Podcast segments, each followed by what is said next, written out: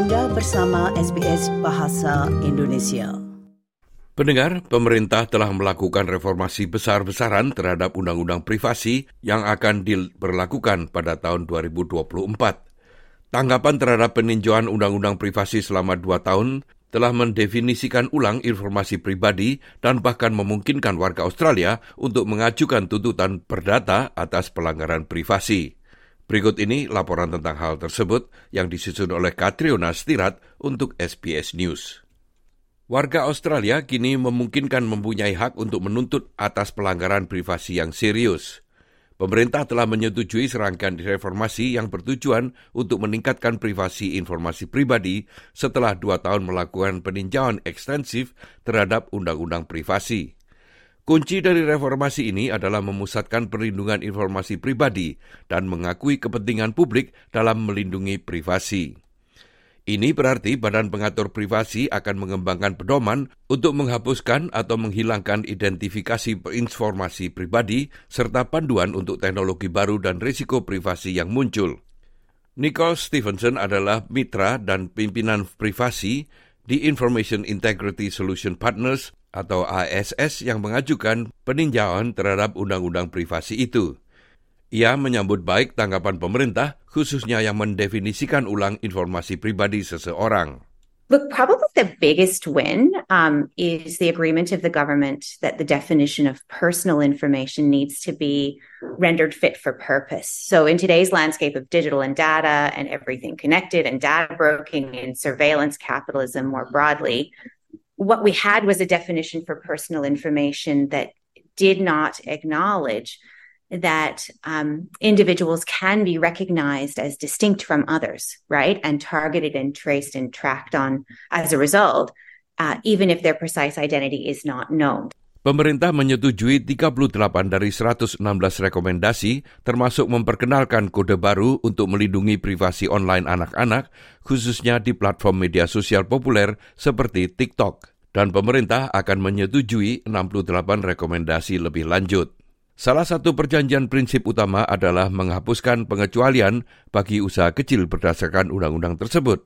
Namun hal ini hanya berlaku setelah adanya analisis dampak terhadap usaha kecil dan paket dukungan pemerintah.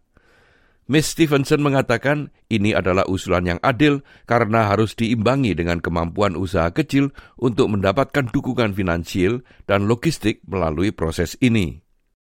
This is an area that's been a, a massive gap area in in terms of the way that we collect and manage personal information and and the fact that we saw through through the pandemic right through the rise of covid and um, the the real new interaction between small businesses and their communities, including in online spaces, we saw clearly that small businesses collect and house vast amounts of community personal information. Pemerintah berupaya menerapkan peraturan seputar masalah penyimpanan dan penghancuran informasi pribadi. Laporan tersebut mencatat bahwa kantor kepatuhan informasi Australia harus memberikan panduan rinci mengenai langkah-langkah wajar yang diambil untuk menghancurkan atau menghilangkan identitas informasi pribadi yang ada dalam penyimpanan. Profesor Asya Rao, Profesor Matematika dan Keamanan Cyber di RMIT University di Melbourne mengatakan bahwa ini adalah salah satu hal yang penting dalam laporan tersebut. Enhancing the requirements to keep information secure and to me more importantly destroying it when it is no longer needed so i came across i was told that my data had been breached from 2009 because somebody who was handling the data for another company had kept it. They said, okay, the good thing is that your credit card from that time has expired. But I thought, I don't know if that's good enough. Why were they keeping information from 2009? Profesor Rao mengatakan penting juga untuk mempertimbangkan kompleksitas seputar reformasi pemerintah untuk menawarkan hak mengajukan gugatan perdata atas pelanggaran privasi. Menurutnya, hal ini jelas akan membantu mencegah organisasi dan perusahaan melanggar undang-undang privasi. A lawsuit is not, uh, you know, it's not, it's not cheap, but it opens out uh, class actions. See, it's more of the, the stick approach, saying there is a stick and that will itself reduce You know, they have to be. My uh, my complaint has always been there are such strong regulations for money laundering. We need stronger, and that is that is coming, and that makes me really happy. Pemerintah menolak rekomendasi lainnya termasuk mengizinkan individu untuk memilih tidak menerima iklan bertarget. Mereka pada prinsipnya menyetujui untuk memperkenalkan definisi pemasaran langsung, penargetan, dan perdagangan informasi dan memungkinkan individu tidak diikut sertakan dalam informasi pribadi yang digunakan atau diungkapkan untuk tujuan pemasaran langsung. Miss Stevenson mengatakan ini adalah area yang sulit untuk diatur. What I'm hoping is that the the move to vary the definition of personal information to include that concept of individuation in some way. I'm hoping that the changes at the front end in terms of the definition of personal information impact how organizations that do this type of targeted advertising um, are even able to do so in the first place because of the nature of the definition of personal information. They they might not have as much wiggle room anymore. Pengecualian lainnya berlaku pada organisasi media dan partai politik. Pemerintah berupaya mendapatkan pengecualian jurnalisme dan berupaya menyeimbangkan kepentingan publik dalam memberikan perlindungan yang memadai dalam menangani informasi pribadi dan kepentingan publik untuk memungkinkan arus informasi yang bebas melalui media. Partai politik juga akan sepenuhnya dikecualikan dari undang-undang privasi yang mencakup tindakan dan praktik apa pun yang diberkaitan dengan pemilu, referendum, atau proses politik lainnya dengan alasan perlunya kebebasan komunikasi politik. Profesor Rao mengatakan hal ini menimbulkan kekhawatiran. You know, I am really ambivalent about that because there are, you know, going by what's happening, especially the voice and things like that. Uh, it's not just receiving um, SMSs. I think we need stronger uh, rules for, for media as well. But again, as I said, can we do everything at once? Maybe we can't. We have to keep the pressure up.